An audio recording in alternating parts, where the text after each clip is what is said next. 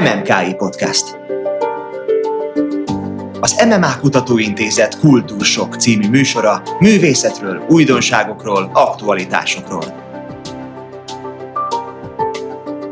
Minden, ami zene, irodalom, építészet, táncművészet és alkotás elmélet. MMKI Podcast. Sok szeretettel köszöntöm Önöket a Magyar Művészeti Akadémia Művészetelmélet és Módszertani Kutatóintézetének a filmszakmai beszélgetés sorozatában. Sok szeretettel köszöntöm résztvevő vendégeinket, Csupó Gábor, ötszörös Emmy díjas, magyar-amerikai filmproducert, rajzfilmproducert, filmrendezőt, illetve dr. Kolarik Tamás, Bánfi díjas, magyar filmdíjas, filmalkotót, igazgatási szakembert, illetve nagyon nagy szeretettel köszöntöm azokat a itt személyesen jelenlévő közönségünket, illetve a Facebookon és a YouTube-on minket követő nézőket. Mindenkit arra szeretnék majd a beszélgetés közben is buzdítani, hogyha bármilyen kérdésük útközben felmerül, akkor a, az online csatornán keresztül ezt a, tegyék meg, illetve majd adunk lehetőséget a, a beszélgetés végén, majd itt jelen lévőknek is lehetőséget arra, hogy kérdezzenek. Az MMA-MMK, és hadd mutatkozzak én is be, elnézést kérek, én pedig Dr. Takó Sándor vagyok, a Magyar Művészeti Akadémia ösztöndíjasa, és nekem adatott meg az a nagy megtiszteltetés, hogy moderálhatom a mai beszélgetést, és a mai beszélgetésnek van egy apropója is, pedig az, hogy szeptember 27-én mutatta be, került bemutatásra Csupó Gábor, amit itt az asztalon láthatunk is, a Csupó Gábor életét feldolgozó a Pannonia stúdiótól a Hollywoodi Csillagig, Csillagig című kötet, amely a magyar, az MMA MMKI és a Film Hungary gondozásában jelent meg a Magyarok Hollywoodban könyvsor sorozat keretében. És ezzel kapcsolatosan, illetve ezen túlmenően is szeretném, hogyha a mai beszélgetésben egyrésztről Csupó Gábor fantasztikus életművének egyes kulisszatitkaira rá tudnánk esetleg kérdezni, ki tudnánk erre térni, illetve nagyon izgalmas volna az számomra, hogyha ennek kapcsán egy kicsit beszélgethetnénk a magyar, az amerikai és az európai filmnek a, a különbségeiről, arról, hogy mi milyen módon fogható meg ma akár a digitális filmgyártás világában az amerikai stúdiórendszer és az, az, az európai film közötti különbség, milyen módon van mondjuk az állam jelen az Egyesült Államokban és Magyarországon, akár az animációs filmnek a támogatásában, mind úgy a filmnek a támogatásában. Úgyhogy én úgy gondolom, hogy egy nagyon izgalmas és sokrétű beszélgetés előtt állunk, és ugyan nem kell, én úgy gondolom bemutatni a részvevőket, de mégis engedjéek meg, hogy nagyon röviden akkor mégiscsak mondjam, hogy Csupó Gábor ugye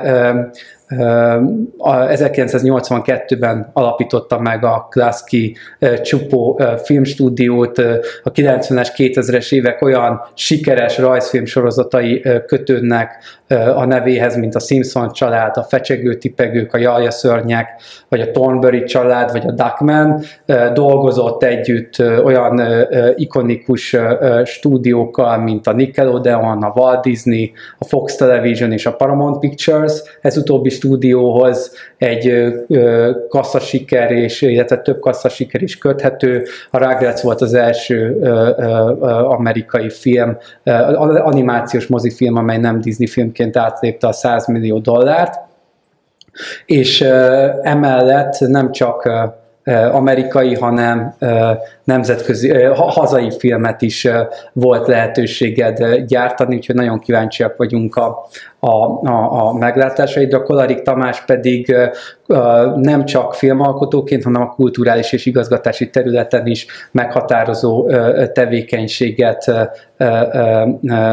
meghatározó a tevékenységet 2010-19 között vezette a Magyar Média Mecenatúra programot, amely 2010 és 19 között több mint 161, tehát több mint 160 animációs film és 35 animációs sorozatnak a, az elkészítését is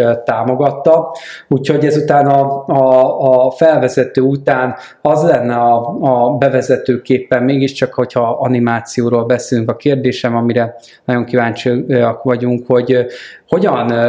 ö, találkoztál az animációval, és ö, ö, az, a, a, a, a, a, a, mi volt, ami téged inspirált arra, hogy, hogy ezen a területen elhelyezkedjél?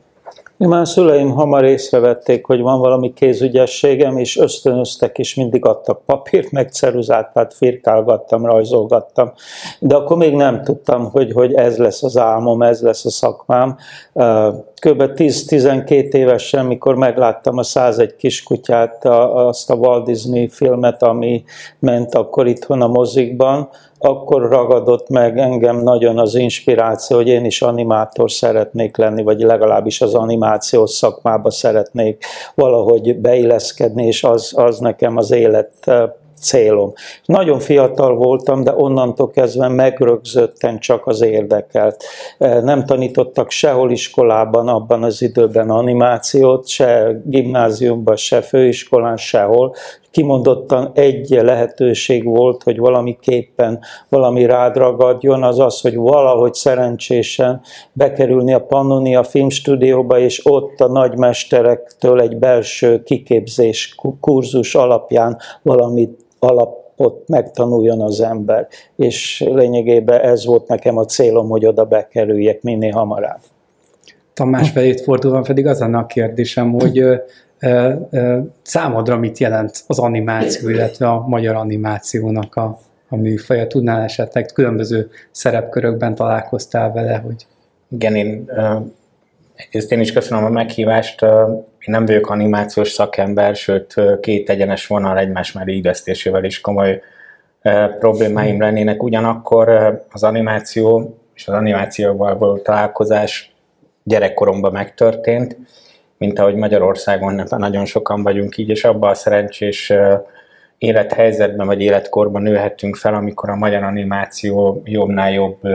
alkotásokat termelt ki, és elvarázsolva néztük ezeket az animációs filmeket, és ez a gyermeki rajongás, ez megmaradt annak ellenére, hogy nem lettem létrehozó animációs szakember, és ez, ez a rajongás vezetett oda, hogy, hogy választott szaknám kapcsán próbáltam az animáció magyar ügyét segíteni, mint jogász, vagy igazgatás szervező, vagy akár filmes szakemberként próbáltam magyar animációs igazgatásban egyrészt szakkönyvek összeállításával részt venni, másrészt meg a magyar animáció nagy alakjainak az életművét, életrajzát és különböző filmes alkotásait próbáltam elérhetővé tenni a tudomány, az ismeretterjesztés eszközeivel, és hogy el kell mondjam, óriási megtiszteltetés az, hogy itt ülhetek Csupó Gábor mellett, mert Csupó Gábor nekem gyerekkoromban egy név volt a Vége főcímben, és mindig csodálkozva olvastam ki, hogy Csupó, hogy ez biztos magyar ember lehet, és, és ezek úgy megmaradnak ezek az emberben, ezek a momentumok, és most itt ülhetek mellette, sőt, dr. Takó Sándorral, aki a moderátor ennek a beszélgetésen, közösen jegyezhettünk egy könyvet, amely Csupó Sándor, Csupó Gábor életét mutatja be, ez egy óriási megtiszteltetés, egy picit olyan, mint egy megvalósult álom. Nagyon szépen köszönöm, és ami a kérdésem lenne, még az animáció sok szempontból a világok találkozása, ez is kérdés, hogy gyerekműfaj, felnőtt műfaj, hogyan állnak hozzá Európában, hogyan állnak hozzá az Egyesült Államokban. Mind a kettőtök felé lenne majd ez a kérdésem, de először Gábor felé fordulnék. Ugye te 1971-ben a Pannonia stúdióban kezdted fázisrajzóként, tehát megtalálkoztál a magyar animáció nagy alkotóival is. Dolgoztál Svédországban, és dolgoztál, és hatalmas sikereket értél az Egyesült Államokban, különböző kultúrkörökkel találkoztam meg, különböző módon álltak az animációhoz.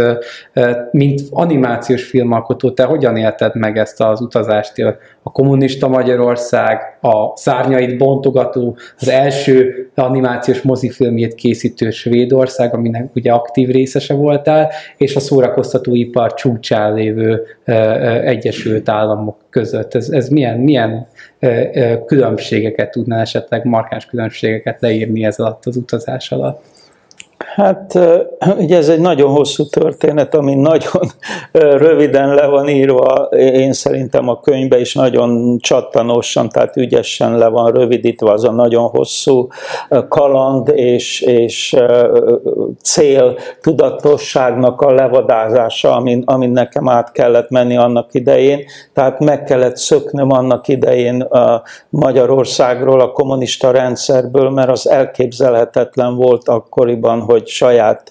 stúdiót alapítsál, és nekem valami miatt az volt a rögeszmém, hogy, hogy én azt akarom csinálni, amit én akarok, és nem, nem mások rendeljék meg, vagy, vagy lihegjenek a hátam mögött, és mondják meg, hogy mi hogy nézzen ki, hanem valami szabadságra vágytam. És éreztem, hogy van bennem annyi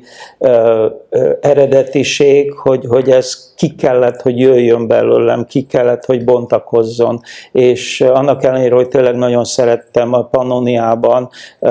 tanulni a nagy mesterektől, és tiszteltem őket százszázalékosan, és nagyon fölnéztem rájuk, mégis nekem valami miatt az agyamba megszületett egy olyan álom, hogy én ennél többet akarok, mint ami ott történik a magyar animációs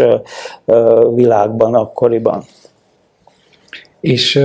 mennyiben volt más Svédországban mondjuk egy animációs stúdióban dolgozni, és mondjuk Hollywoodban, tehát hogy éreztél-e valamilyen szemléletbeli különbséget között a területek között? Hát a Magyarország és a svédországi viszonyok nagyjából a, a stúdión belül nagyon hasonlítottak egymáshoz. Ugye hát nem a fizetésről beszélünk, mert az más, egy komolyabb valutai összeget kaptunk már is. Úgy éreztük magunkat, mint milliómosok valami miatt. Tehát mindenünk megvolt, nagyon jól megfizettek minket, megtiszteltek, nagyon csendes, szerény kis stúdió volt, nagyon nagy vagánykodásra ott nem, nem, lehet, nem volt lehetség. Pláne egy olyan produkcióba kerülsz bele, ami már meg van írva, meg van tervezve, meg van minden alkotva, neked csak meg kell animálni, vagy megfázisolni a karaktereket. Ez nekem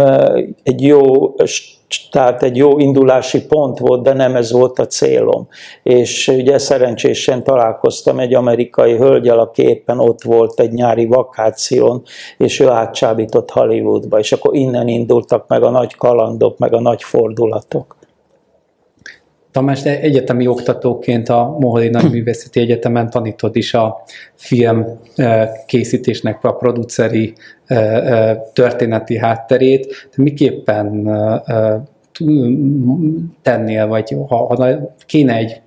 határvonalat húznunk az amerikai és mondjuk az európai film, filmgyártás között, vagy akár az állam és a film viszonyok között, akkor te miképpen eh, tudnád ezt eh, eh, mondjuk, tudom, hogy ez is egy bonyolult kérdés, de röviden megválaszolni? Hát ez egy nagyon összetett kérdés, erre azért éveken keresztül próbálunk választ adni különböző egyetemi órákon, meg számtalan könyvbe, de hogyha nagyon-nagyon röviden dióhéjban kellene leírni, az amerikai filmgyártás azért is tér el jelentős mértékben az európai, főleg a magyar filmgyártástól, mert más az a, a piaci lehetőség, más a piaci környezet, ami körbeveszi a filmet. Eznek részben a történeti fejlődés, részben azok a geopolitikai adottságok, az, az okok, amelyek meghatározzák ezt a térséget, vagy akár Magyarországot. Az Európai Unió ezzel kapcsolatban úgy fogalmaz, hogy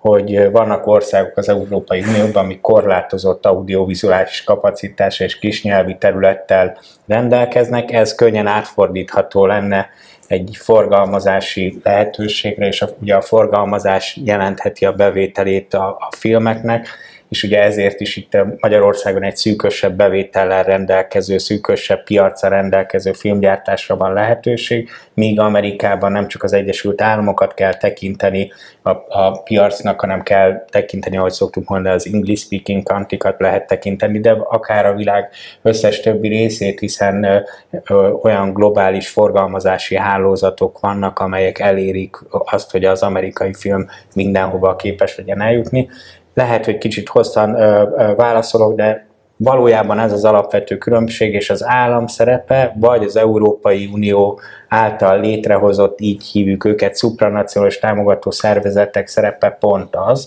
hogy az európai kultúra, a tagállami kultúrák, amelyből összességében az európai kultúra szövete összeáll, támogatást kapjanak, támogatást kaphassanak, és azok az értékes filmek el tudjanak készülni, és azok az értékes alkotások forgalmazásba kerülhessenek az Európai Unió tagállamaiban is. Ez alapvetően nyilván meghatározza a film elkészülésének a lehetőségeit, és meghatározza a filmet előállító szakembernek a lehetőségeit, a filmet előállító szakember cselekvési szabadságát is, még Csupó Gábor ugye az Egyesült Államokban egy klasszikus piaci környezetben tudott létrehozni egy olyan céget, amelyet mondjunk el, hogy valójában minden idők legsikeresebb független animációs cégéről beszélünk, amit Gábor létrehozott és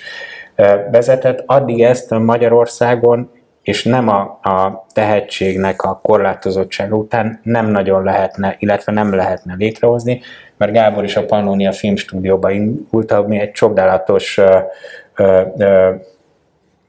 tehetségeket Igen. összegyűjtő szervezet volt, egy nagyon felkészült idősebb Matolcsi György vezette, nagyon felkészült vezető, vezette, mégis korlátozottabbak a lehetőségei voltak nyilván, és, és, és nem csak a rendszer miatt, amiben volt, mint az Egyesült Államokban a Hollywoodi stúdiónak, vagy akár most mondhatnánk a részben jó útorként működő Mikulás Ferenc által vezetett Kecskemét filmet, amely szintén nagyon sok tehetséget összegyűjtő, Oscar-díjas munkákban dolgozó, a nemzeti kultúrákba beépülő animációs filmeket gyártott, mégis a pénzügyi lehetőségei nem összevethetők egy hollywoodi, vagy bocsánat, hogy ezt mondom, de akár londoni stúdió lehetőségeivel. Köszönöm. Hol, mi volt az, amikor kimentél Hollywoodba, Gábor, 1979-ben, és hol, mi volt az animációnak a helye? Hogy tapad, mint animációs szakember, hogy érezted a hollywoodi stúdiók, miként álltak a, a, ehhez a műfajhoz? Abban az időben én nagyon hanyatlónak találtam a, a, a amerikai animációnak a, az egész állapotát a filmgyártástól kezdve, mert a Walt Disneynek az a klasszikus korszaka, szerintem befejeződött akkor, amikor a, a Walt eltávozott az élők sorából, és egyre jobban hanyatlóan, minőségileg egyre kevésbé megfelelő filmeket nyomtak kifelé. Nagyon kevés konkurenciájuk volt, az egyik volt a Hanna-Barbera, akinél én, én kaptam állást, ahogy megérkeztem Los Angelesbe, és megint ugye nem a fizetés miatt hagytam őket ott, mert nagyon jól megfizettek ott is, és, és ami nagyon érdekes volt, hogy az egyik uh, supervisorom, tehát akinek én nekem le kellett adni a jeleneteimet, az a Bill Kyle volt, aki eredetileg a 101 kiskutyában volt az egyik fő tervező, rajzoló, animátor. És ez, ez nekem nagyon érdekesen összefüggött, itt valami sugallott nekem, hogy én összefutok a, az életemnek az legnagyobb inspirációs animátorával, mondjuk nem pont abba a produkcióba, amit én nagyon minőséginek éreztem. Scooby-Doo-ba dolgoztam kb. 6 hónapig, Scooby-Doo sorozatban, és természetesen, hogy élveztem, még alig beszéltem angolul, tehát tanulgattam mindent, de az a, az a gépies hozzáállás, hogy nem a minőség, meg a, a, az igazán quality animáció számított ott, hanem a gyorsaság is, hogy időbe legyártani, és minél több viccesebb dolgot egymás mögé pakolni, hogy beleférjen abba a fél órába. Tehát nem nagyon koncentráltak a, a, az újdonságra, a minőségre, és azt is észrevettem, hogy, hogy a többi kisebb stúdiók, akik próbálnak fölfelé növekedni, mind egymást utánozták, sehol nem láttam valami eredeti, original, erős stílust. És amikor elindítottad a stúdiódat, 1982-ben milyen szempontok szerint válogattad mondjuk meg az embereidet, és mi volt az, amit kitűztél célul, hogy hogy, hogy láttad, miképpen lehet az Egyesült Államokban mondjuk független filmstúdióként teret nyerni? Hát az Allinnal összeálltunk azért, mert ugye én kikerültem a Hanna-Barberából, ő neki volt egy, egy grafikai cége, ahol leginkább ilyen könyvborítókat vagy plakátokat terveztek, tehát ő grafikus művész volt, és így összeraktuk a munkánkat, és pillanatok alatt beolvattunk a hollywoodi filmvilágba azáltal, hogy minket megismertek, hogy mi nagyon gyorsan és nagyon minőségű anyagot tudtunk leadni, és ráadásul olyan stílusba, amit még nem nagyon ismertek. Kicsit mindig az volt a célunk, hogy meghökkentőek legyünk, mások mások, mint amit, amit a más kis stúdiók csináltak, tehát ki akartunk lógni a sorból, és nem szerettük az átlagosságot. Mindig merészek voltunk a, a tervezésbe, a színekbe, és ez nyilvánvalóan att, attól vált be annyira, mert hogy nekem európai hátterem van, és hoztam egy európai grafikai stílust, vagy egy irányzatot, vagy egy ízlést, és azt próbáltam beleömleszteni, vagy illeszteni ebbe a kommer komerciális nagy pénzforgató világba eleinte nagyon kilógtunk a sorból, aztán kezdték megszeretni, megszokni. És ugye ezer,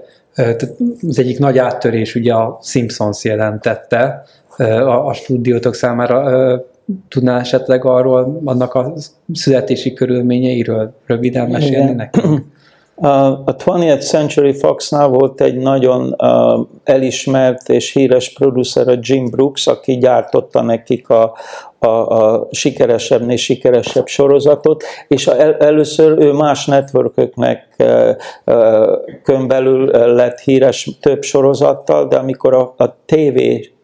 részlege a stúdiónak megszületett a 20th Century, tehát a Fox TV, akkor kezdtek nagyon igényelni új programokat. A Jimnek is adtak zöld kártyát, hogy csináld a, a, a, a sorozatokat, és áthozatott egy, egy angol hölgyet, aki ilyen komikus szerepeket játszott Londonban, Tracy Ullman, is nagyon nagy sikere volt. British humor volt, de ő, ő úgy érezte, hogy át tudja varázsolni az ő íróival az amerikai ízlésre. És áthozatta a hölgyet, és amikor megvágták ezeket a félórás epizódokat, akkor mindig egy picit rövid lett a, a, az, a, az a műsoranyag, ami, ami szerint a, a Jim szerint gyorsan pörgött, és akkor egy egyik producere ajánlotta, hogy töltsük ki azt a kis hiányzó egy-két percet valami vicces rajzfilmmel. És akkor mondta a Jim, hogy hát én ahhoz nem értek, de találjatok valakit, aki ezt, ezt meg tudja oldani. És akkor megtalálták a Matt Groeninget, aki igazából nem volt animátor, azt hitték, hogy ő az, mert láttak valami rajzot egy, egy heti újságba tőle a, a Jimnek a falán, és bejött a Matt, és mondta, hát ő nem tud animálni, ő ki találni esetleg valami vicces, akármit, ilyen rövid sztorikat, de ő írni se tud igazából, nem tud forgatókönyvet írni, animálni meg abszolút nem, és rajzolni is alig tud. Mert amikor megláttuk azt a rajzot, amit nekünk odaadott, akkor, akkor egy kicsit elcsodálkoztunk, mert, mert tudtuk, hogy nagyon jó humora van a srácnak, de tényleg rajzolni alig, alig tud. Viszont volt egy olyan stílusa, ami nekem már tetszett, mert nem sablonos volt, és gondoltuk, hogy azt mi még jobban meg tudjuk pofozgatni, hogy még inkább egyedülállóan nézzen ki. Köszönöm. Tamás felé fordulok. Ugye, Gábor említette, hogy az európai stílus az amellett, tehát hogy van lehetőség arra, hogy ez beágyazódjon akár a hollywoodi stúdiórendszerbe és piaci körülmények között is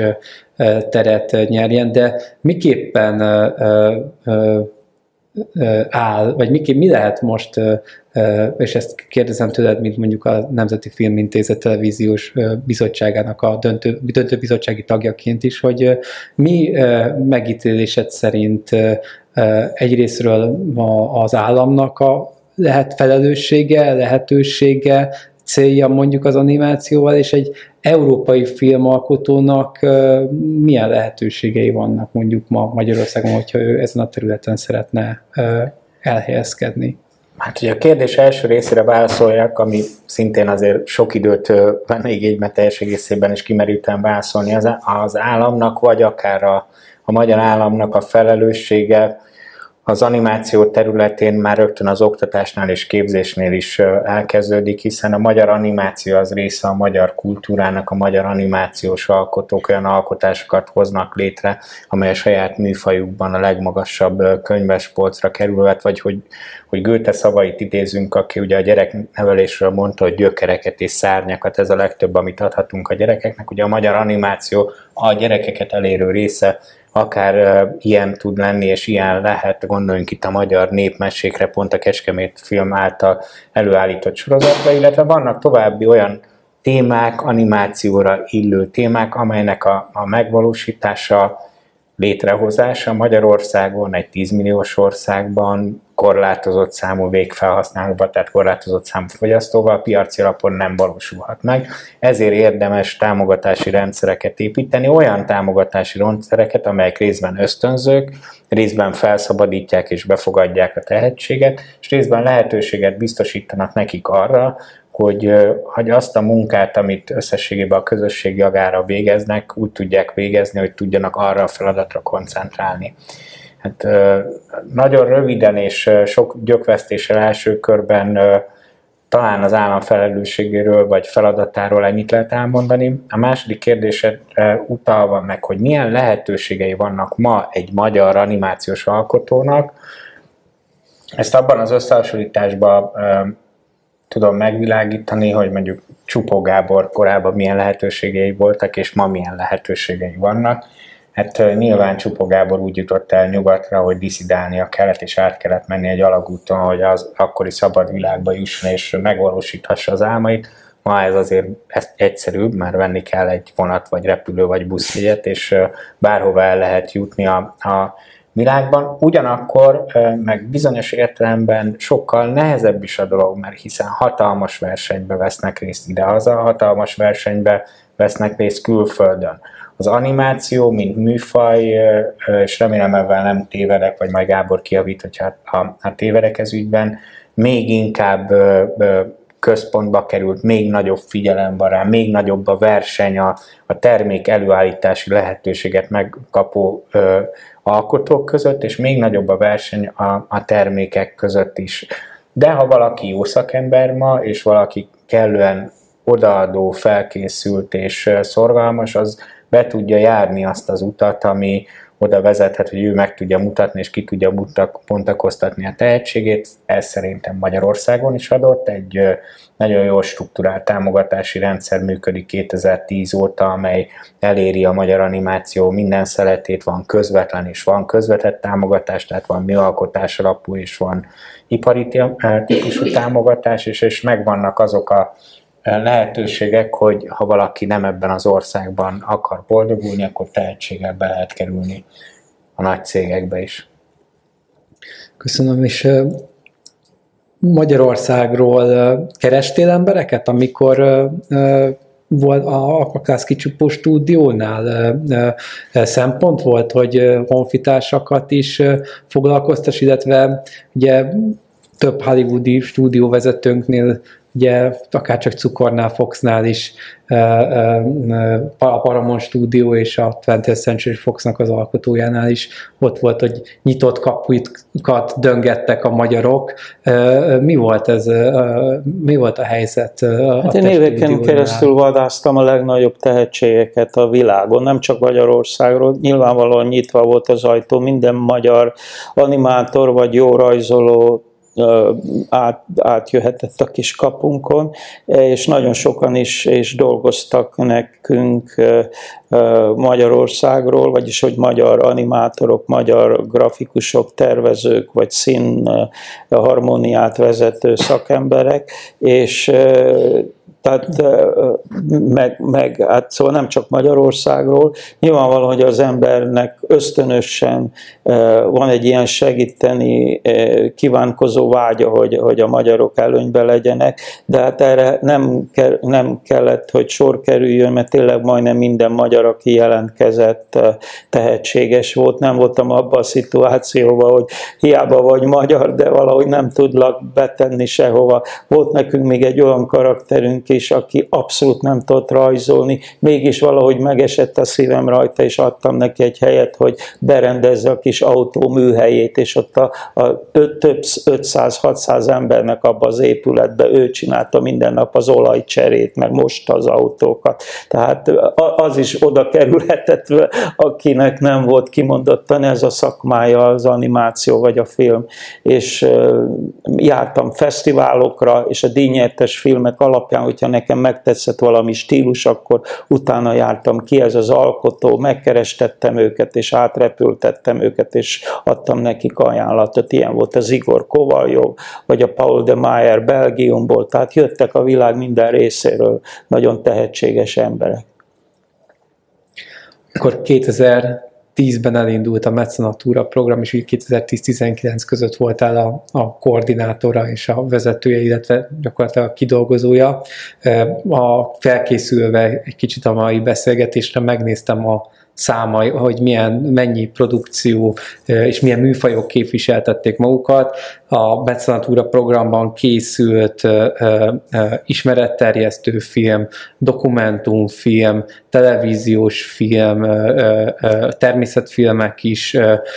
de kiemelkedően nagy számban képviseltették magukat az animációs filmek, illetve az animációs sorozatok is. Sok sikeres fesztiválfilm és televíziós animációs sorozat is a mecenatúrában indult el, vagy folytatódott. Azon a kérdésem, hogy ez ö, ö, ö, tudat, vagy ez konceptuális volt-e, hogy ilyen nagy számban és ilyen nagy műfajilag, ilyen reprezentatív módon volt a mecenatúra támogatott produkciói között az animációs műfaj? Röviden kéne válaszolnom rá, akkor igen. Ugye a Mecenatúra program egy műfai alapú támogatást működtetett, tehát olyan pályázati kiírások voltak, ahol azonos műfajból jelentkezhettek a pályázatra, és ahogy felsoroltad a dokumentumfilmtől a televíziós filmig, tehát alapvetően inkább a televízióban vagy a televízióban megélő műfajokat támogattunk, és így támogattuk az animációs filmet, hogyha be kéne azonosítani, akkor két nagy területet támogattunk, egyrészt az egyedi animációs filmeket, egyedi vagy alkotói animációs filmeket általában nevezük általában azokat a rövid filmeket, amelyek nem feltétlenül, vagy nem direkten gyerekközönségnek készülnek. Tudjuk, hogy nagy legendák vannak Magyarországon ebben a műfajban, a 81-ben Oscar díjat nyert Rófusz Ferenc a Légyel, Jankovics Marcel, aki már sajnos nem lehet köztünk, de szintén Oscar jelölt volt, Káni nagy díjas volt, de beszélhetnénk Ternovszki Bélától Gyulai Liviuson át Orosz Istvánon keresztül osztán sorolhatnánk a, ezt a műfajt, ebben valószínűleg egy kisebb világválogatottat is ki tudnánk állítani. A, a másik nagyobb műfaj, amit be tudnék azonosítani, az az elsősorban a gyerekeknek szánt televíziós sorozatok támogatása, és ehhez illően mi két pályázati struktúrát is működtettünk, mind a kettőt nagy magyar animációs alkotóról neveztük el, az egyiket Macskási programnak neveztük, a másikat meg Dargai programnak. Ide tudtak beérkezni azok a pályázatok, amelynek az eredményeképpen azért 8 év alatt közel 30 sorozattal, meg ha jól emlékszem 130 valamennyi egyedi filmmel tudtuk gazdagítani a, a magyar animációs világot, de mi nem támogattunk, nem volt rá pénzügyi lehetőségünk sem, egyéb felhatalmazásunk, egész estés tartalmakat, amelyek elsősorban mozi forgalmazásra szántak. Olyan egész esés tartalmak jöttek ki tőlünk, amik kreatív újravágással készültek sorozatokból. A Rugrats, a fecsegő tipegők a Simpsons után egy igazán egy dogmát is ledöntött Hollywoodban azzal, hogy a televízióról átkerült a mozifilmre, és televíziós produkcióként és sikeres televíziós sorozatként a moziban debütált. Miként látod, mennyire mosódtak el a határok mondjuk napjainkban itt a televízió és a mozi között, illetve amikor ti én a keletkezés történet kapcsán érdeklődnék az, az, az iránt, hogy a, amikor a fecsegő tipegőket, mint sikeres tévésorozatot a moziba szerettétek volna betenni, mit szólt hozzá a Nickelodeonnak a, a vezetősége, hogyan, milyen úton tudott a televízióból eljutni a, a világ moziai, moziai hát igen, rágrec. tudomásom szerint megint ez egy olyan dolog, hogy még nem nagyon volt rá példa, hogy egy, egy, egy, egy pár éves fut, pár évesen futó animációs sorozatból hirtelen hosszú film lesz a vászonra. Ez egy nagyon-nagyon rizikós vállalkozás, ugye, mert ott az elkészítési ára Hollywoodnak az egy, az egy nagyon nagy összegről beszélünk, minimum 20-30 millió dollárról abban az időben, a mai nap az, az valószínűleg kétszer-háromszor akkora költségvetéssel készülhetne el, mint amikor mi csináltuk, és úgy érezték, hogy az nagyon rizikos az ő, ő részükről azt finanszírozni, és nem hitték, hogy ezek a pici, primitív figurák, amit a, a, a TV vászon, akkor még ugye kisebb, akkor még nem voltak nagyon ekkora nagy tévék, mint manapság ezek a LED televíziók, mindenki ilyen ekkora tévéken nézte ott, tehát valahogy nem fogták föl, hogy ez a pici anyag fölkerülhet egy marha nagy vászonra, úgy érezték, hogy ez talán nem bírja ki a, a, a nagy változást, meg hogy tudunk-e egy, egy másfél órás történetet kitalálni, mert idáig még csak ezekre a 22 perces epizódokra voltunk képes. Meg ez volt az agyukban, hogy ezek a karakterek csak ennyit bírnak ki egyszerre. Aztán valahogy meggyőztük őket úgy, hogy a hátuk mögött mi csináltunk nagy prezentációs bordokat, tehát illusztráltunk bizonyos jeleneteket, mi kitaláltunk egy alapötletet, még nem volt forgatókönyv, de tudtuk, hogy mi mit szeretnénk nagyvászonra vinni, és volt egy ilyen, ilyen szinopsziszunk a, a sztorira, és erre csináltunk nagy illusztrációs prezentációt, úgy, hogy már a, a aspect ratio is different volt, mint a tévéjé, tehát látszott, hogy ez egy cinemascope verziója, vizuálisan nagyon-nagyon nagyon megrajzolgattuk, meg megdobtuk, hogy, hogy meglepetés legyen, még ha ránézel akkor is, és előjöttünk egy olyan sztorival, amire azt mondták, hogy hú, hát ez, hogyha élő cselekményes film lenne, ebb, ebb, ebb, látnánk ebből egy, egy hosszabb verziót. És az, azzal is meggyőztük őket, hogy már megtanulták, meg mi is megtanultuk a Simpson-tól, hogy úgy szeretnénk megírni a forgatókönyvnek a, a sztoriát, hogy a, a felnőtteket is szórakoztassuk, ne csak a gyerekeknek. Tehát nem nézzük le, nem lefelé írunk, hanem inkább fölfelé. Mert szerintünk a gyerekek annyira intelligensek, hogyha a szülőknek írjuk, akkor ők azt szeretni fogják és megértik. És nyilván, hogy olyan témakört választottunk, ami ilyen családi, baráti az egész, tehát mindenkinek egy, egy kellemes hétvégi szórakozást tud adni a másfél órás formátumban is. És mi volt az a package, ami végül akkor meggyőzte a, a, a Paramount stúdió igazgatóit? Hogy elmentünk, a, a, a, először nem nagyon akartak hallani róla, és az évekbe tellett ez a, ez a, a meggyőződési folyamat, és amikor már annyit rágtuk a, a fejüket, hogy, hogy vigyük át a Paramount stúdióhoz a, az ötletet. És az volt a nagy szerencsénk, hogy a Paramount stúdiónak a vezérigazgatója, Sherry Lansing imádta a sorozatainkat. Nyilván a Simpsont is szerette, de titokban ő volt az egyik legnagyobb rajongónk, és ezt mi nem tudtuk, és úgy abban a pillanatban, hogy bementünk az irodájába, azt mondta, hogy bravo, bravo, csináljuk. Pillanatok alatt uh, megengedte a továbbfejlesztést, akkor kaptunk pénzt a forgatókönyvre, és így uh, folytatódott az egész. És miképpen ugye a könyvben részletesen is ugye, megjelenik, hogy a stúdió sem tudta, hogy mire számítson. Mi, miképpen, tehát hogyan emlékszel vissza arra az időszakra, amikor, amikor tényleg az egyik legnagyobb kassza sikert hozta Igen. a Paramount történetében. Hát mindenki nagyon film. izgul, ugye, mert az első hétvégén kiderül, hogy a filmnek sikere lesz-e vagy nem, mert a, akkor, hogyha ha nagy a, a, az elvárási return, tehát amit, amit így, így, így be reménykednek a producerek, hogy legalább ennyi jöjjön be, akkor biztos nem bukik a film. Mi annak a háromszorosát teljesítettük azon a hétvégén. Tehát mi voltunk a number one -ok, és egészen sokkal nagyobb költségvetésű élő cselekményes filmeket is megelőztünk, amik ugyanakkor a hétvégén debutáltak, úgyhogy mindenki el volt ájulva, hogy ez nem létezik, és mi voltunk tényleg az első olyan film a Disney kívül, akik rajzfilmen, rajzfilm kategóriával megálltuk nagyon a helyünket a nagyvásznon.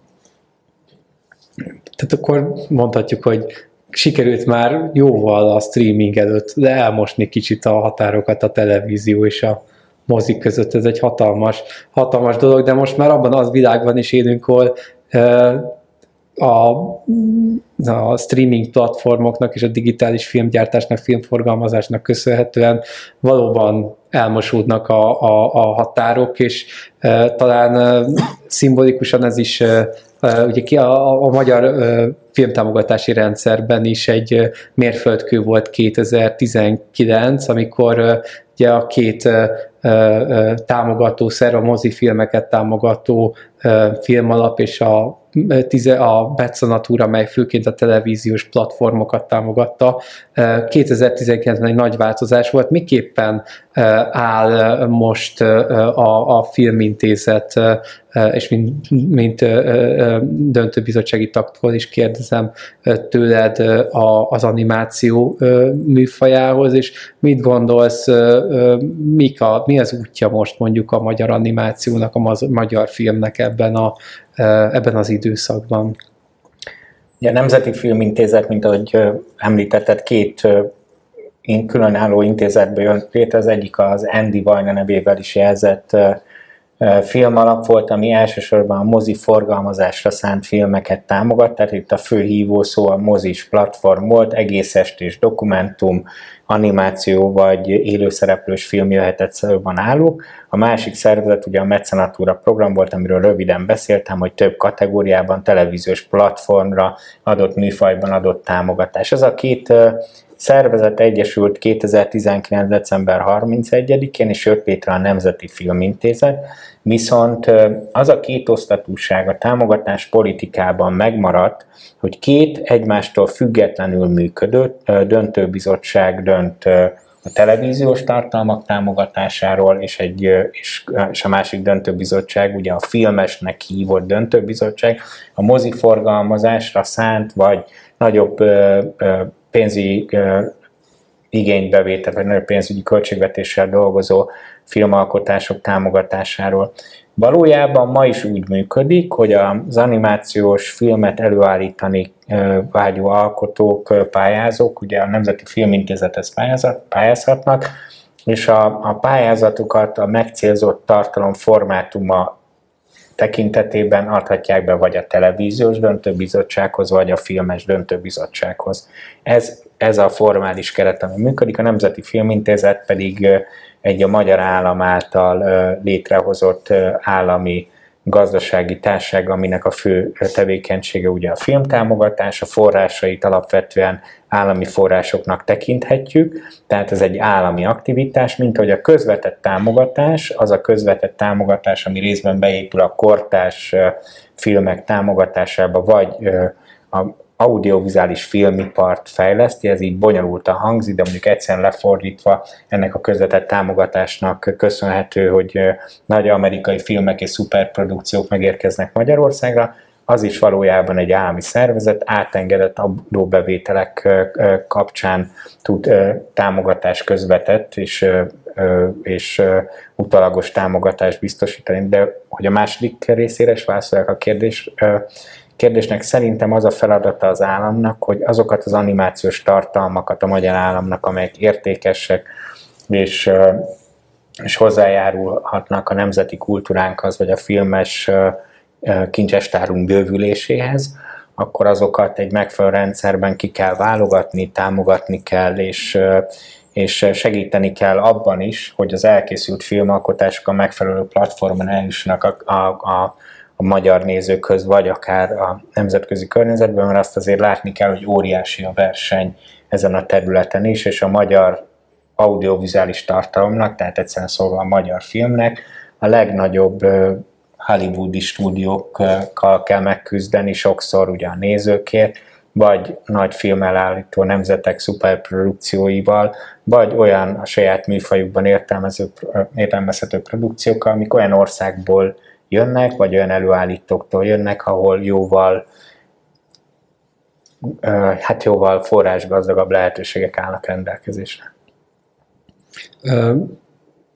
Gáborhoz fordulva, van-e valamilyen javaslatod, vagy tippet azoknak a most dolgozó animációs alkotóknak, akik mondjuk jelen pillanatban mondjuk akár a Nemzeti Filmintézetnek a támogatásával filmeket készítenek, hogy miképpen találhatják mondjuk esetleg meg a helyüket akár a nemzetközi piacon, milyen, milyen lehetőségei lehetnek, és milyen szempontokra kell megítésed szerint mondjuk egy animációs magyar producernek figyelemmel lenniük mondjuk a tengeren túlon? Attól függ, hogy mik az ambícióik. Hogyha kis, rövid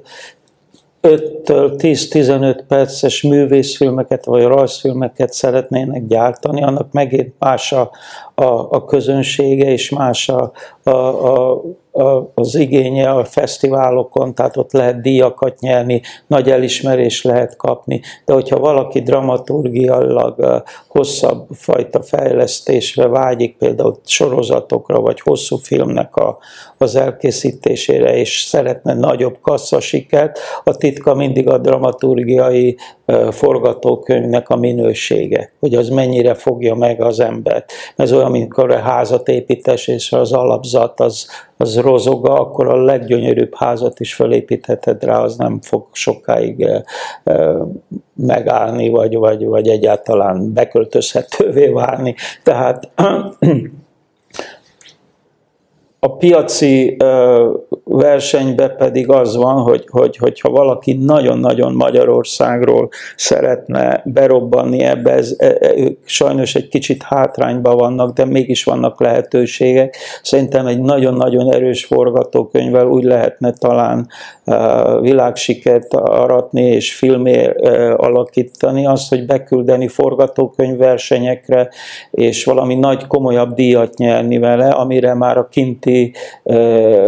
ügynökök fölfigyelnek, valaki fölkarolja azt a tehetséget, aki írta, akinek a kapcsolatán már a többi producer oda van csatolva ahhoz, a, ahhoz az elképzeléshez, hogy mit szeretnének ezzel az anyaggal csinálni, és egy ilyen csomagba eladni egy stúdiónak, amikor már egy, egy, egy komoly ügynök reprezentálja ezt az egész csomagot. Mert így, hogy hogy a magyar költségvetési lehetőségek alapján nem hiszem, hogy sajnos nagy lehetőség van arra, hogy egy olyan minőségű hosszú filmet itt legyártsanak Magyarországon, ami a világon mindenhol megállja a helyét, mert ugye nemzetközi igényeket és ízléseket kell kialakítani, és legtöbbször a magyarok csak arra gondolnak, hogy milyen a magyar piac, mi az, amit a magyarok szeretnek, mi a magyar kultúra, és ez lehet egy gyönyörű alkotás, és lehet, hogy igazából megérdemelne egy Oscar díjat, de ez sajnos túl uh, magyar kuriózum, és nem érti meg a külföldi ennek a, az művészeti értékét. Mikor ti csináltátok a saját produkcióitokat, ki, volt egy kijelölt célközönségetek, vagy egy forgalmazási terület, amire ti fókuszáltatok, hogy, hogy ott sikeres legyen? Tehát néztétek azt, hogy mondjuk hogyan lehet ez a produkció forgalmazható mondjuk akár Ázsiában, Európában? Mikor gyártottuk a hosszú filmet Így például? Így van. Hát mi csak azon igyekeztünk, hogy minél szórakoztatóbb legyen, és ugye vetítettük a barátainknak, mert ennek a folyamata az, hogy van egy, egy, egy nagyon, tehát remélhetőleg egy nagyon jó forgatókönyv, arról csinálsz egy animatiket, ami az azt jelenti, hogy már fölveszed a, a megírt uh, színész, tehát a dialógukat, összeállítasz egy olyan hosszúságú uh, állókockákból összetett vázlatos, storyboardos verziót, amin hallod a színészek hangját, meg úgy nagyjából már van ötleted, hogy mi lesz ez, amikor teljes mozgásba, színezbe ott van, és ezt próbáljuk tesztelni, tehát próbálni ilyen kis mini vetítéseken, hogy milyen a reakció. Azt mondják, hogy hát igen, szóval udvariasan mondják, hát nem rossz, de egy kicsit unalmas, akkor tudod, hogy az nagyon nem működik. Tehát meg azért, azért nekünk is volt saját kritikánk, tehát azért mi is éreztük azt, hogy mi az, ami, mi az, ami szórakoztató lehet számunkra is, mint felnőtteknek, és nem megint csak ugye az, arra szeretnék visszatérni, hogy soha nem hogy csak a gyerekeknek írtuk. Ha mi nem élveztük, akkor tudtuk, hogy, hogy az nem lesz uh, sikeres. Filmalkotóként, forgatókönyvíróként, rendezőként is dolgozol, te milyen témákat keresel, amikor, amikor egy uh, filmeket, uh, filmtémákat hát igen, és speciális helyzetben vagyok, mert én azokkal a témákkal foglalkozom, amik engem érdekelnek elsősorban. Tehát, hogy, hogy ugye ez nem a, a tevékenységem fő sodrába tartozik, tehát megtehetem azt, hogy kényelmes módon csak az engem igazán tűzbe hozó és, és, és régóta érdeklő témákra fókuszáljak. Alapvetően engem a nemzeti kultúránkban, ahogy Gábor is említett, gyökerező témák fognak meg, de mondjuk a, a, a könyvszerkesztő vagy könyvírói tevékenységem során koncentrálunk olyan nagy alkotók életművére is, akiknek azt gondoljuk, hogy az alkotása és az életműve példaadó lehet a magyarságnak, a felnövekvő generációnak, vagy akár a csupó könyvre gondolva a határon túl, tehát hegyes harmonizálhagyon túl, vagy Dunaszerda helyen és, és, és helyen túl is izgalmas, hiszen a, a valójában az ő élete és az ő életműve mindenhol értelmezhető Bukarestől New Yorkig. Ismerik ezeket a, a filmeket, de azt gondolom, hogy a, hogy a magyar filmes támogatási rendszernek feladata is az, hogy a magyar kultúra termékeit, a magyarságnak is szóló termékeket támogassa, hiszen azért azt is vegyük figyelembe, hogy más ezt nem fogja helyettünk megtenni, és nagyon sokszor ezek az audiovizuális alkotások piaci alapon nem fognak tudni létrejönni. Már említettük a Magyar Népmesék sorozatot, ami azt gondolom, hogy bármilyen értékvilágból is nézünk rá, egy, egy van dolognak tekinthető, egy olyan dolognak, amit ami hasznos, értékes és támogatásra méltó. Én nem nagyon hiszem, hogy a magyar népmesség bármilyen piaci körülmények között létre tudna jönni. Nem nagyon hiszem a több tízmilliós YouTube megtekintés ellenére sem, hogy ezt kizárólag a piacra rászabadna nézni. Ugyanez a stúdió, ugye a Kecskemét Filmstúdió most a cigánymesék sorozattal ö, ö, ö, jön elő, vagy azzal is dolgozik, Horváth Mária rendező vezetésével, azt gondolom, hogy az is egy olyan téma, amely, amely támogatásra méltó és alkalmas, és szintén azt gondolom rá, hogy nagyon nehezen lehetne ezt piaci körülményekre bízni, és azt, azt sem gondolom, hogy, hogy feltétlenül az Európai Unió támogatási szervezeti jellegek lennének arra, hogy, hogy, hogy mindezt életre hívják. Köszönöm szépen. Most kitekintek a közönség fel soraiba is, hogy van-e esetleg olyan kérdésük, amit feltennének a, a résztvevőknek? Hogyha lesz, akkor nyugodtan majd jelezzék, és akkor, akkor, akkor lehetőség van arra, hogy, hogy kérdezzenek. Mit még akkor én is még föltennék az a élőszereplő filmekben is kipróbáltad, Gábor, magad nem csak, hogy kipróbáltad, hanem nemzetközi sikereket értél el filmrendezőként a, a, a, a Hit Terabítia földjére című produkcióval, illetve a Holt Hercegnővel nemzetközi sikereket is értél el, és, és ugye mind a kettő nemzetközi produkció volt, illetve a Holt Hercegnő még Magyarországon is forgott, mint szervizprodukció. Miképpen, és, és tehát, hogy, tehát az életedet végigkísérte az animáció és a, a mozifilmek, élőszereplős cselekményű filmek is, ahol egy kicsit egyre inkább eltűnnek úgy szintén a határok, hogy miképpen látod mondjuk a mostani digitális világban a, az animációnak, az élőszereplős filmeknek a, a, a, a jövőjét, akár a mozikban, hogy ez már óhatatlan, hogy ezeknek össze kell akár CGI és animáció és egyéb módon kapcsolódnia? Vagy, vagy hogy látod ennek az útját te? Hát én úgy érzem, hogy aki animációs minőségű filmet tud összerakni, rendezni vagy producálni, annak valószínűleg ugyanolyan nagy érzéke van egy, egy, egy hasonló minőségű élő cselekményes filmet produkálni. Azért, mert az animáció szerintem egy nagyon-nagyon komplex műfaj, és annak ellenére, hogy manapság még mindig, tehát a, a, a, a bejövetel után, amikor meg, megnézzük, hogy, hogy mekkora összegek jönnek be egy sikeres film után, akkor leginkább a háromdimenziós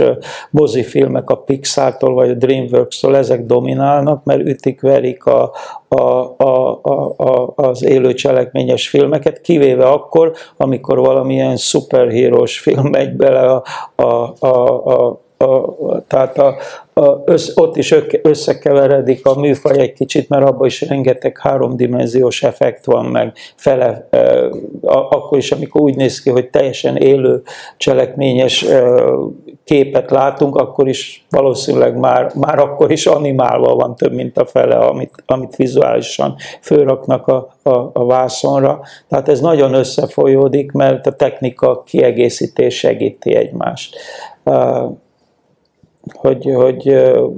milyen irányba megy ez. Hát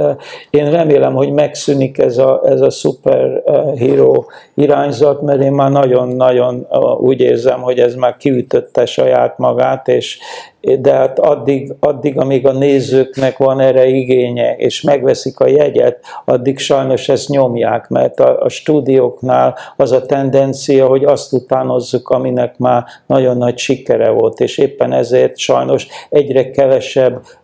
quality film születik, aminek igazán nagy művészi értéke van. Ezek az emberek, akik ezeket a filmeket csinálják, iszonyúra nagy technikai tudásuk, és tényleg zseniális szakemberek. De művészileg lehet, hogy megkérdőjelezhető, hogy hányszor szeretnénk már egy repülő figurát látni, aki mindenkit legyőz. És ti hogyan látjátok a mozi helyét, jövőjét a, az elkövetkezendő években? Hát nagyon nehéz kérdés. Én szeretnék bizakodó lenni, ami ugye a mostani helyzetben nem mindig egyszerű.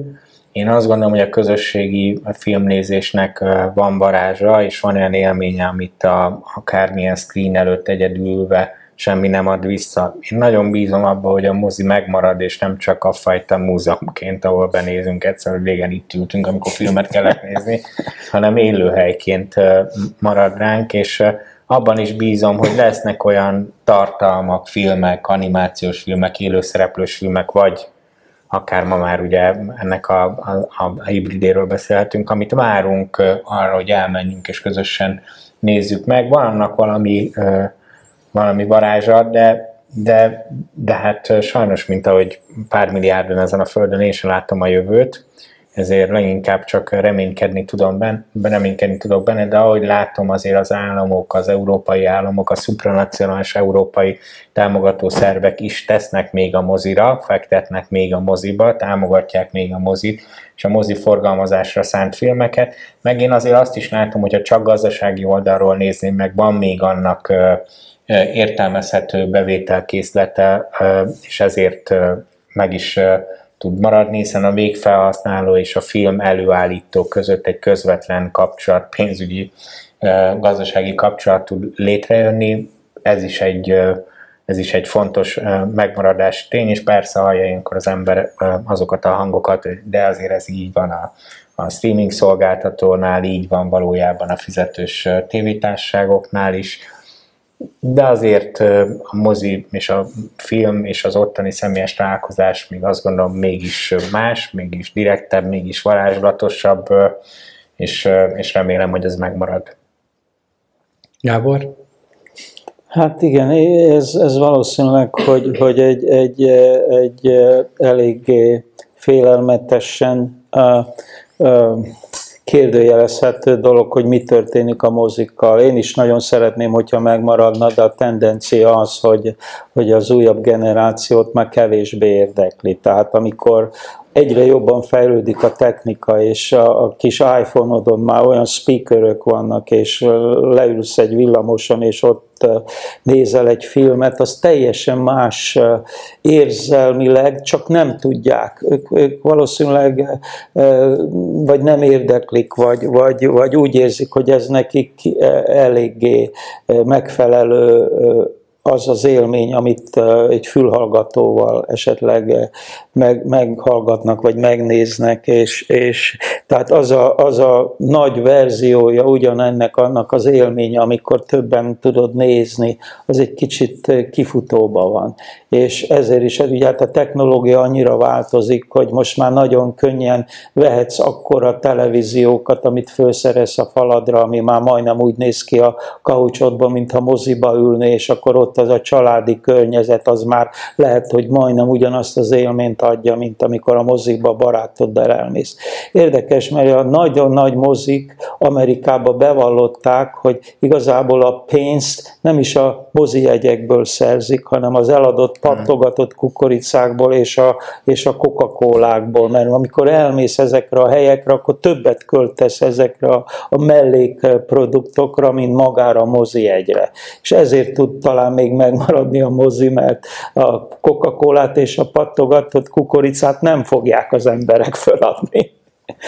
És említed a Coca-Colát, ami mondjuk a, és a popcorn, ami mondjuk a moziknak egy fontos bevételi forrás, ott van a, talán az animáció területén a merchandising, a, a, az alkotók részére, hogy hogy látod ennek a helyét most mondjuk? Hát a merchandising az, az, az akkor is működik, hogyha a telefonról szereted meg ugyanazt a, a t-shirtöt, vagy azt a karaktert, amit később egy, egy, egy kalapon vagy egy t-shirtön kinyomnak, vagy pedig az interneten tudják ezeket hirdetni, tehát itt is a technológia nagyon beleszól ebbe a dologba, tehát nem feltétlenül kell beülni egy moziba, és háromszor annyit költeni kukoricára, hogy beleszeres egy karakterbe, amit aztán később megveszel a pizsamádon, hogy ott vagy az oldalán a nadrágodnak. És ugye a Ragrets, a fecsegő tipegők most már a, nem csak a televízióban, nem csak a mozikban, hanem már a streaming platformokon is megméretteti magát. Ugye ennek egy rebootja készült. Miképpen látod, mint, mint aki ennek az egész franchise-nak most már, ami, ami hollywoodi csillaggal is rendelkezik, hogy az én generációmnak abszolút egy ikonikus produkciója volt a 90-es, 2000-es években a Rugrats, hogy a streamingnek köszönhetően mondjuk akár a fiatal generációknak a, ugyanúgy a mindennapi részévé válhatnak Igen. a figurák. Tehát, hogy hogy látod most a Rugratsnek mondjuk, mint, mint franchise-nak a lehetőségeit itt a streaming világában? A Nickelodeon elkezdte gyártani az új verzióját, ezt a háromdimenziós verzióját, aminek állítólag akkora nézettsége van, hogy éppen, hogy, hogy, hogy, hogy kisebb sikernek lehet nevezni. Szerintem nincs akkora sikere, mint amikor a 90-es években a két dimenziós verzióját nyomtuk, de, de annyira sikeres, hogy, hogy megint meghosszabbították, és újabb év, év, év járat szerződéseket kötöttek a, a Paramount Plus-szal, akinek eladják, és ők, ők sugározzák. Ennek a nagy előnye az, hogy régen, amikor a Ragretszet megszeretted, akkor akkor ki kellett válni egy bizonyos műsoridőt, és ott meg tudtad nézni, és ahogyan elmúlt, akkor vége, nem tudtad megmutatni a barátaidnak, hogy melyik jelenet tetszett. Most, hogy streaming csatornán van, akkor a telefonodon bármikor akármelyik fejezetet, még a régieket is, hála Istennek, sorrendben, vagy pedig van egy kedvenc részed, oda húzod az ujjadat, és bum, mutatod, a, a, ami, ami éppen tetszik, ez régen lehetetlenség volt. Szóval ebből a, ebből a nézőpontból valószínűleg, hogy ez egy előnyösebb dolog. Az, hogy mindenki kisebb verzióban nézni, ez egy kicsit kevésbé örvendetes, pláne számunkra, mert úgy érezzük, hogy vizuálisan mi annak idején mindent megtettünk, hogy, hogy még a nagy képernyőn is megállja a helyét. És hogyan látjátok a, az utánpótlás kérdését, milyen lehetőségek, milyen feladatok vannak ezen a területen. Itt értem ez alatt az animációs és úgy ö, ö, ö, általánosan is a filmes ö, ö, oktatást és utánképzésnek a helyzetét Magyarországon és az Egyesült Államokban egyaránt. Hát alaptermészetemet tekintve én egy optimista ember vagyok, de hál' Istennek itt a, az alaptermészetem találkozik a valósággal is. A Móri Nagy Művészeti Egyetemen tanítok, és ott látom az animációs alkotókat, és látom a Moholi Nagy Művészeti Egyetemen Fülöp József rektor úrnak is a törekvését, és látjuk az eredményeket, hiszen minden évben egy újabb és újabb tehetség, vagy újabb és újabb tehetségek hagyják el a, a, a, az egyetemet az animációs területen, és azt, azt kell, hogy mondjam, az élőbb szereplős filmek sorában is számtalan tehetséggel rendelkezünk, számtalan olyan fiatal alkotóval, akik már részben megmutatták megmutatták tehetségüket, de, de még nagyon hosszú évek vagy évtizedek állnak előttük. Csak Dál Kristófot mondom, aki még szintén fiatal ember, és már több mint öt éve kapott Oscar díjat, de még tudnék sorolni hosszan neveket, de hogy ne érezze senki, hogy igazságtalanul kivételezek velük, ezért egy objektív szerkezetbe foglalva jelen beszélgetés előzménye egyik előzmény beszélgetés volt a hagyomány és haladás beszélgetés sorozaton belül az animációs esték, ahol az volt a koncepciónk, hogy egy már befutott nagy teljesítményt elért alkotó és egy fiatal ugyanígy az animáció területén lévő alkotót ültettünk össze, és kettőjük párbeszédből próbáltuk meg a jelent és a jövőt, a múltat és a, a, a jelent kicsit animáció szemszögből vizsgálni, és nagy örömet okoztak ezek a beszélgetések szerintem nem csak nekem, mint házigazdának és moderátornak, hanem úgy általában a szakmában, mert azt láttuk, hogy Ternofni Béla Gelei Bálintal azon túl, hogy remekül megtalálták az összhangzat, érződött, hogy itt van egyfajta együttműködés, hogy a, a, a, a fölsőbb generációk és a kezdő generációk működnek, és Gelei Bánt is az az alkotó, aki lehet, hogy pár évtized múlva majd Ternovszki Béla helyében ül, de Rófusz Ferenc is volt itt, vagy a fiatal alkotó vele párban, Bác Péter, aki, aki szintén még, még, még nagyon a pálya elején jár, és már több tucatnyi díjjal és több száz elismeréssel rendelkezik, tehát én azt gondolom, hogy van a magyar animációnak jövője, nem fog megtörni ez a szép hagyomány, és a 120 éves magyar film, az tovább folytatja azt a diadal útját, amire én büszkén mondhatom, hogy az elmúlt évtizedben az egyik legfényesebb eredményeit ért el. Te hogy látod az utánpótlásnak? Pont hogy... úgy, ahogy a Igen. Tamás elmondta. tudok hozzászólni tényleg. És mi a helyzet Amerikában? Mi a helyzet? Hogy, hogy, hogy, hogy, hogy gondolod? Nehéz ügy, mert három évvel előre kell sokszor gondolkodni. Mi lehet az a tehát, irány, amivel esetleg tudom, hogy ez nehéz, mert itt most nincsen erre tuti recept, de amikor ti ezeket csináltátok, ezeket a produkciókat, ti miképpen próbáltatok előre gondolkodni, és mi az, amit esetleg tudsz javasolni szempontként hát, a mostani nem akarok sablonos lenni, tényleg mindig az kell, hogy nagyon szeresd, amit csinálsz, próbáljál új utakat találni, legyél egyedi, próbálkozz mindig másba, mint amit látsz, mert másokat utánozol, akkor lehet, hogy egy bizonyos sikeres fokig eljutsz, és onnan tovább nincs, mert már valaki talán jobban vagy másképpen megcsinálta, eredetinek kell lenni, egyedinek, és, és hinni kell nagyon abba, amit akarsz és szeretsz. Tehát legyen egy célod, menj utána, és küzdjél érte, és harcolj érte, és legyél makacs, legyél uh, iszonyúra dedikált, tehát addig ne add föl, amíg el nem éred, akármilyen pici a következő célod. Hogyha odáig elértél, akkor mindig kitűzhetsz egy másikat, de ne add föl. Hát nem tudom, hogy jobbat tudok-e mondani, és valószínűleg nem mondtam semmi újat, de ezt tudom, hogy ez így ezzel működni fog, vagy tud működni. Nagyon szépen köszönöm, és ez szerintem egy kiváló végszó is, és nagyon szépen köszönöm a, a, a, a beszélgetést, és hogy megtiszteltetek minket azzal, hogy, hogy elfogadtátok a meghívást. Még annyit azért hadd kérdezzek meg, hogy mikor és hol találkozhatunk a kötettel, Gábor veled, mikor és hol lehet esetleg most még összefutni, amíg itt Magyarországon, vagy a szakmabelieknek, vagy akár a rajongóknak?